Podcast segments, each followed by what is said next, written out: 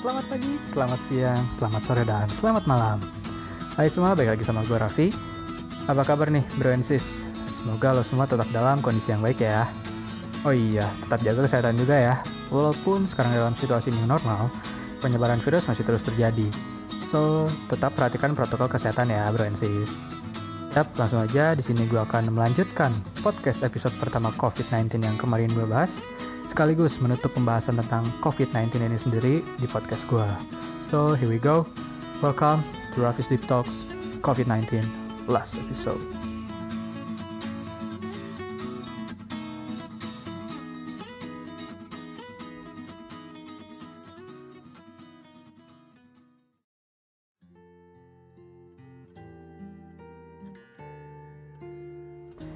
Yo, what's up Francis? Do you all miss me? Oke, okay, kemarin gue kan udah bahas mengenai hal apa saja yang bisa dilakukan di tengah pandemi ini. Nah, gimana nih? Ada yang lo terapkan di keseharian lo atau enggak? Mau ada ataupun nggak ada, nggak apa-apa. Di situ gue cuma merekomendasikan aja. Nah, sekarang gue akan melanjutkan pembahasan gue tentang COVID-19 ini. Sebelumnya, gue di sini nggak akan mengupas topik COVID-19 ini terlalu dalam karena gue kira udah bukan waktunya. Jadi langsung aja ngomong-ngomong tentang COVID-19 ini, dari sumber terpercaya, jumlah individu yang telah dipastikan mengidap COVID-19 di Indonesia per tanggal 16 Juni 2020 sudah menyentuh angka 40.400 jiwa, yang di mana 15.703 di antaranya sudah dinyatakan sembuh, sedangkan 2.231 lainnya tidak dapat diselamatkan. Ya, menurut gua di sini kita melihat angka yang sangat tinggi seperti itu cukup mengerikan ya, atau bahkan sangat mengerikan. Apalagi nih ya dikonfirmasi bahwa jumlah individu yang telah dipastikan mengidap COVID-19 di seluruh dunia per tanggal 16 Juni 2020 yaitu sebanyak 7,82 juta jiwa. Di mana 432 ribu di antaranya tidak dapat diselamatkan. So, sebelum gue lanjutin, gue ingin mengucapkan berbelasungkawa yang sedalam-dalamnya untuk semua orang yang sedang berduka, entah itu di Indonesia maupun di belahan dunia mana pun. And stay strong. Oke, okay, baik lagi ke topik yaitu COVID-19. Di sini gue sangat menyayangkan penanganan COVID-19 ini di Indonesia. Kenapa? Kita baik lagi aja ke awal COVID-19 ini terdengar atau terekspos oleh dunia. Sebulan berlalu, dua bulan berlalu, yang di mana saat itu Tiongkok sedang dalam kondisi yang sangat parah, dan bahkan World Health Organization atau WHO pun saat itu sudah memperingatkan bahwa virus ini bisa menjadi pandemi di seluruh dunia. Namun, Indonesia saat itu menghadapinya terlihat santai dan tidak terlalu mempedulikan.